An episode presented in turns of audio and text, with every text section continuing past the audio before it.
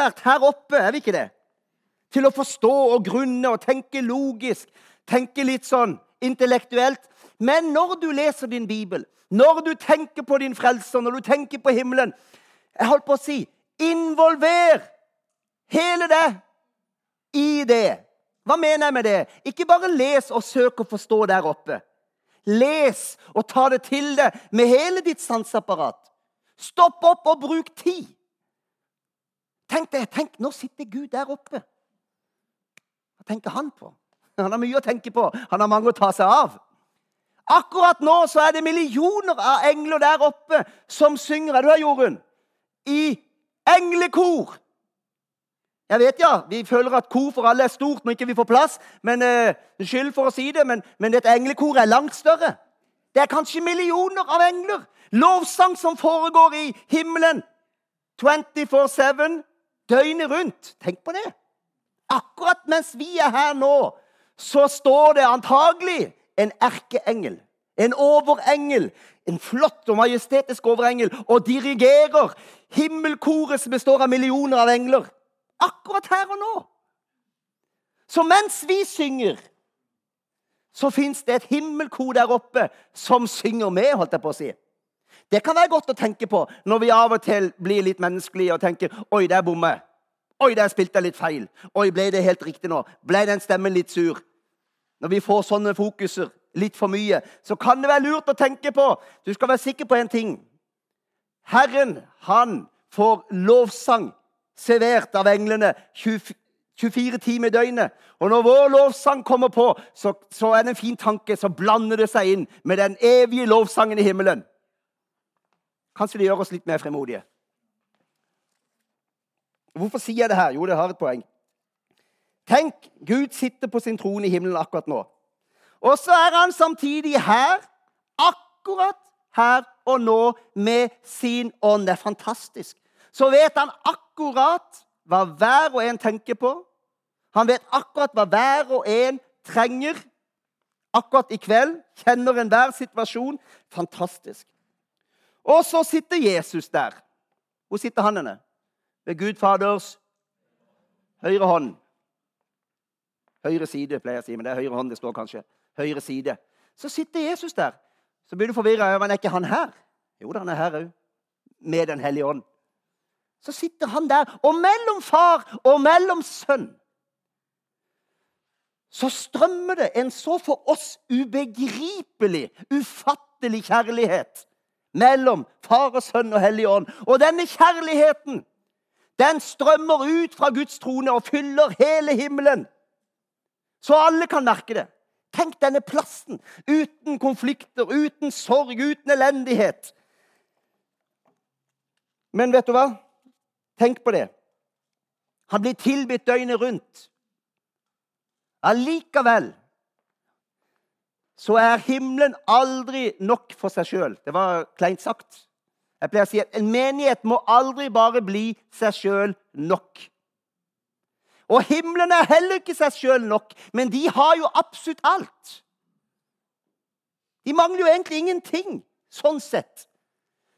Men på tross av denne enorme lykken som fins der oppe, så er Guds hjerte retta inn mot oss og mot mitt lille liv. Tenk på det. Tenk på kontrasten. Han sitter der i en majestetisk trone og mottar lovsang fra millioner av engler, kanskje, eller tusener. Jeg vet ikke hvor mange de er. Noe som er mektigere og sterkere enn noe vi har vært i nærheten av å høre her på jord, antagelig.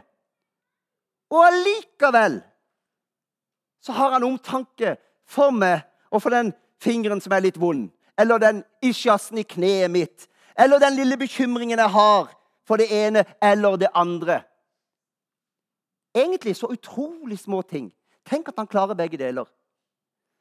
Og Jesus som sitter der, hva står det om han? Det står noe veldig fantastisk. Jesus har et prestedømme. Hebreerne 7, 24. Nå, Kristine, se hva jeg gjør nå. Vi sa på sist møte vi ønsker å bli en menighet som tar med oss Bibel. Og penn. Og blokk. Går det an da å få til? Nei, jeg kan ikke tvinge noen, men vi kan prøve å skape en kultur. hvor det blir naturlig. Så derfor skal du få lov til å slå opp Hebreabrevet, vers 7, 24. Og det er lenge siden jeg har hørt blafring i salen, så la meg få høre nå. Er det noen som kan blafre med Bibelen? Ja, jeg hører noen der. Dere som har, dere får blafre dobbelt så mye som dere pleier. Nå kommer det, hør. Jesus har et prestedømme som ikke tar slutt, fordi han er og blir til evig tid. Derfor kan han også fullt ut frelse dem som kommer til Gud ved ham, fordi nå kommer det, han alltid lever og går i forbønn for dem, altså oss som er frelst. I en annen oversettelse så står det 'ettersom han alltid lever for å gå i forbønn for dem'. Det er sterke ord. Det står at han lever for å gå i forbønn for oss. Han mangler ingenting. De kunne fokusert på seg sjøl, alle godene oppe i himmelen. Og allikevel så går han i forbønn fra dag til dag for hver og en av oss. Finn en annen såkalt gud i denne verden med et sånt hjerte. Et sånt hjerte for enkeltindivider. For det lille midt i det store. Jeg syns det er fantastisk. Og midt i denne atmosfæren av Guds kjærlighet og fred Du har lest om å ligge i grønne enger og men det er sånn at englene de, de ligger ikke bare i grønne enger og koser seg. Ja, vet du hva? Det jobbes. Visste du det? Det er en sånn aktivitet akkurat i denne stund så er det en sånn aktivitet oppe i himmelen at englene de jobber. Og du kan være sikker på at det går ut millioner på millioner av instrukser fra Gud Fader sjøl til englene rundt til hele vår jord. Det er litt av et apparat. Og hvis Jesus går i forbønn for meg, og han går i forbønn for deg, og alle her, og alle som er frelst, ja, da er han travel. Da har han en god jobb å gjøre. Det sier noe om hans hjerte. Hør. Den hellige ånd er også travelt opptatt med å møte mennesker. Han skal gjøre sin gjerning. Det er fantastisk. Og der midt i aller det helligste, hva står der, tror du? Det står ikke direkte, men du kan trekke en slutning av det. Der ved Gud, der står Der er Jesu blod på et eller annet vis. Vet ikke hvordan det ser ut, hvordan det er samla. For hva det står? Ikke med blod av bukker og kalver, men med sitt eget blod gikk han inn i helligdommen en gang for alle. Og således vant han en evig forløsning. Dette blodet som aldri forringes, som aldri går av mot, holdt jeg på å si, som aldri blir gammelt. Det er fantastisk. Som aldri mister sin kraft. Dette forsonende blodet fra hans sønn, det kan djevelen aldri røve fra Gud. Jeg skal ta noen snarveier nå. Jeg har lyst til å si det, hør. Vi har snakka mye om at vi, vi, står i en kamp. Det kjempes i, ånds, i åndskreftene mellom godt og vondt. Det kommer til å være sånn til vi kommer hjem. Og Djevelen han klarer av og til å ødelegge for kristne. og Noen i menigheter legges ned, og noen blir det splittelse i. Og, og noen vandrer bort ifra Gud, for de lures av djevelen. Men det fins ett område som det ikke står kamp om, fordi kampen er allerede vunnet. Vet du hvor Det er henne? Det er bare ett område på mange måter. Det er ved Golgata. Ellers så står det kamp om, om sjeler og om alt mulig. Men den kampen, den ble vunnet én gang for alle. Det står evig fast. Og Det er derfor det er så utrolig viktig å komme tilbake og tilbake og tilbake til hva da? Til korset. Det er et område la meg si det så tydelig jeg kan, det er et område hvor djevelen ikke kan gå inn og reversere noe som helst. Han kan ikke gjøre om på det, han kan ikke ta det tilbake. Han er totalt bundet og bastet. Og Når vi leser ordene fra Kolosserne 2, er det ikke det? så brukes det ord som at han ble nøytralisert. Han ble gjort til null. Han ble gjort til intet. Og så blir vi forvirra, for vi tenker han har jo makt i verden i dag. Vi ser jo hans ondskap. Men hør, i forhold til korset Han kan ikke engang nærme seg. Da er det jo veldig naturlig å tenke hvor burde mitt liv befinne seg? Jeg vil jo helst være en plass hvor det er vanskeligst mulig for djevelen å få tatt rotta på meg. Så nærme korset du bare kan. For det er det ene punktet holdt jeg på å si, som står evig fast, som aldri kan rokkes, og som aldri kan gjøres om. Det er et område hvor djevelen ikke kan prøve seg engang og prøve å omskape noe. Han kan lure deg, ja, men han lurer ikke Kristus. Kan du se for deg jorda, da? Før Kristus, som var bundet av djevelen, levde i mørket, Se for deg menneskenes slit og strev og tunge tanker, misunnelse, bitterhet, håpløshet, hevn, synd, ondskap, krig og elendighet. Det er litt av en kontrast. Her malte jeg opp eh, himmelen for deg, og så har du jorda. Så er det skapt av Gud, og så var det ingen forbindelse der. Helt atskilt fra hverandre. På Golgata, i et øyeblikk i et historisk øyeblikk for 2000 år siden, så nærmest gnistra det fra himmelen. Når Guds lys, når Guds herlighet for ut fra denne salige himmel og ned til vår jord. Og hva var det det traff? Det traff Golgata. Og ut ifra Golgata-korset så stråler dette lyset ut. Det er så viktig med korset at vi skjønner at det er det punktet, og det eneste punktet, hvor himmel forenes med jord. Jesus sa Guds rike er kommet nær. Det må bety at det var ikke så nær før. Ikke i samme grad. Guds rike kom til dem. Det skjedde gjennom korset. Kan du se for deg Golgata? Se for deg en høyde, da, om ikke du har vært der. Se for deg et kors på den høyden. Se for deg at det er mørkt rundt. For det var det jo. Det var til og med solformørkelse. Og Nå kunne ikke menneskene se det, men det var det som skjedde reelt sett. Se for deg når Gud far sjøl har venta på dette øyeblikket. Hvor lenge? Til evig tid, står det. Det var, det var forutbestemt før eh, alt var grunnlagt, holdt jeg på å si. Forsoningen. Han var ikke sein når det øyeblikket endelig kom. Kan du se for deg der når øyeblikket endelig kommer, og han henger der på korset, og dette lyset og Guds herlighet og Guds kraft kan slippes løs, og det kommer ned som en flombelysning og treffer korset. Og ut ifra korset så stråler det videre. Og jeg holdt på å si og bare ut fra korset. Jeg har møtt mennesker som sier ja, men jeg møtte, jeg syns jeg kunne sense Gud i naturen. Det er jo fint, det. Hvorfor det? For han har lagt evigheten ned i våre hjerter. Så alle mennesker kan egentlig sense noe av Gud. Og Jeg leser av og til vitnesbyrd eller ikke vitnesbyrd, intervjuer med både kjente og ukjente som sier at ja, jeg følte jeg møtte Guds kjærlighet sånn og sånn. Men så nevnes ikke korset.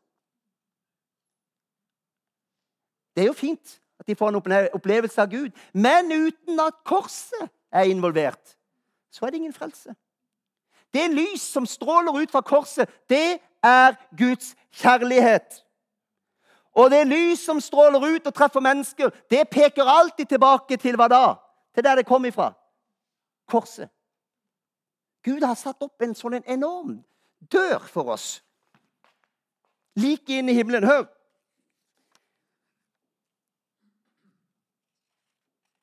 Er dere, er dere interessert i forskning? Jeg syns det er litt gøy, da. Og Jeg ser litt sånn programmer av og til om, om universet. og sånn her. Og, og, De snakker mye om Har dere hørt om ormhull? De kaller det Eller sorte hull har dere hørt om. Og veldig oppegående mennesker snakker om parallelle univers.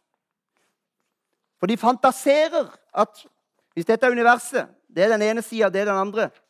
Det er uendelig langt. Vi kan aldri nå dit. Men kan vi krumme universet, sier de? Sånn som dette. Det er fremdeles ett univers. Men vi krummer det. Så setter vi en, en nål gjennom der. Da blir avstanden veldig kort.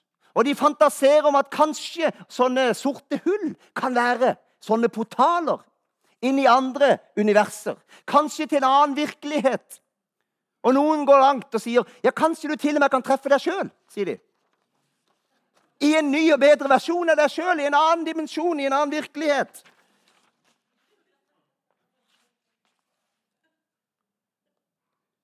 Golgata-verket. Det går overgår alle disse drømmene og fantasiene som disse forskerne har. Og Nå skal vi ikke blande her, men det er jo ganske utrolig. For hva er det vi har fått oppleve? Noe av det samme som de drømmer om. Vi er her nede på jorda. Det var avstand mellom Gud og mennesker. Så setter Gud sin sønn på et kors der, og det åpnes en dør. Og så er du i den ene virkeligheten i det ene øyeblikket, den virkelighet vi kjenner til. Og så går du inn en dør, og så plasseres du ved Jesu blod like inn for Guds trone. Som jeg sier, han er der oppe. Det er sant, det er reelt, det er virkelig.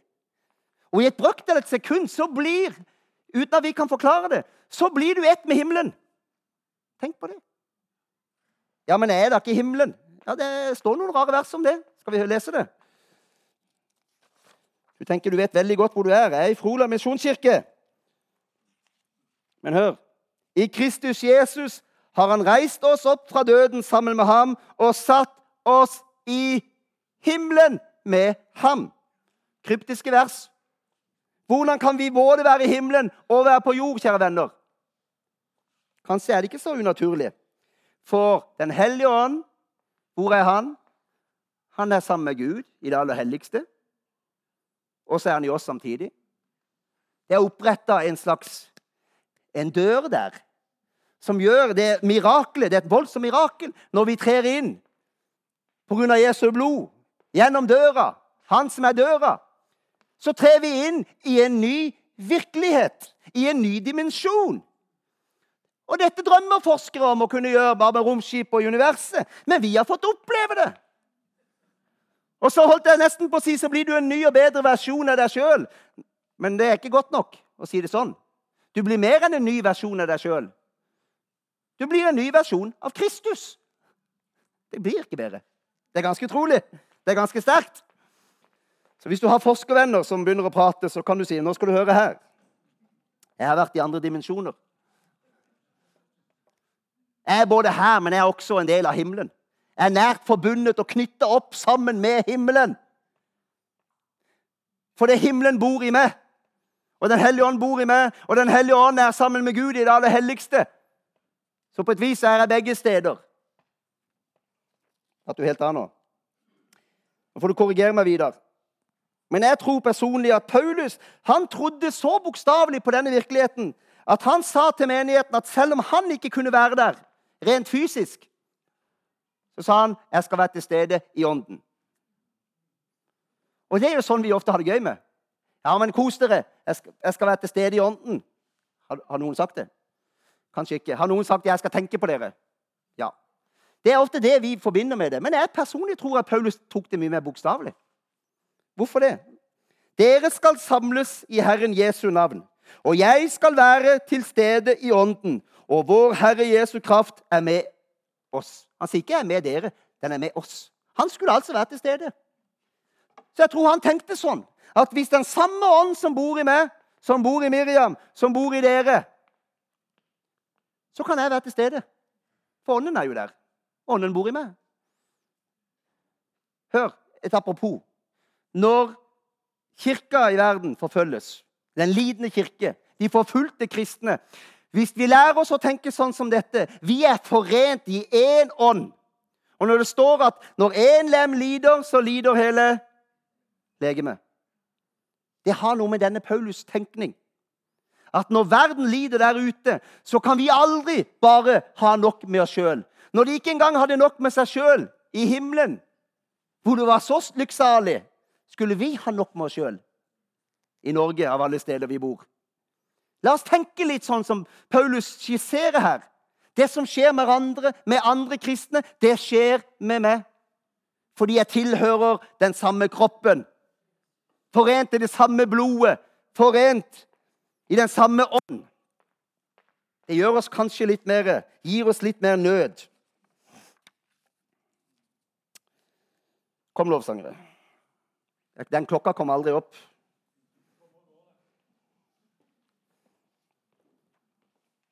Det er ikke uten grunn at Paulus sier, 'Jeg vil ikke vite av noe annet blant dere enn Jesus Kristus og ham korsfestet'. Hvorfor det? Fordi at menighetene ble opptatt av gang på gang av det de kom ifra. Etter tavlene, tradisjonene, mysteriereligion. Men Paulus sa jeg kom ikke til dere med visdomstale, men med ånd og krafts bevis. Skal vi reise oss opp? Det ble bare halve talen i dag òg, da. Men det går bra. Og jeg har det til neste gang. Fikk du med deg noe? I dag fikk du så mange ord, stakkar. Godt du er så ressurssterk. Og sterk. Takk, Herre, at du velsigner oss. Herre, vi priser deg for korsets mysterium, Herre. Herre, vi vil aldri fullt ut forstå hvilket mirakel det er, far. Du samla all din kraft, Herre. Du samla hele din herlighet og fokuserte alt gjennom dette korset, Herre. Og ut fra korset stråler alt ut, fra. Herre, må du åpenbare mer og mer, Herre, om kraften i evangeliet. Kraften i korset, Herre. Så vi skjønner vår posisjon i det, Herre. Født på ny. Ny identitet, Herre. Satt i himmelen. Herre, det er mer å forstå. Det er mer å innta. Det er mer å få åpenbart, Herre. Og vi vil strekke oss mot det, Herre. Amen.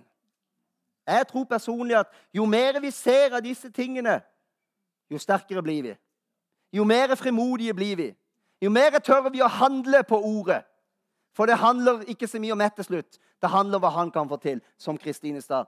For, for Gud er alt mulig. Amen.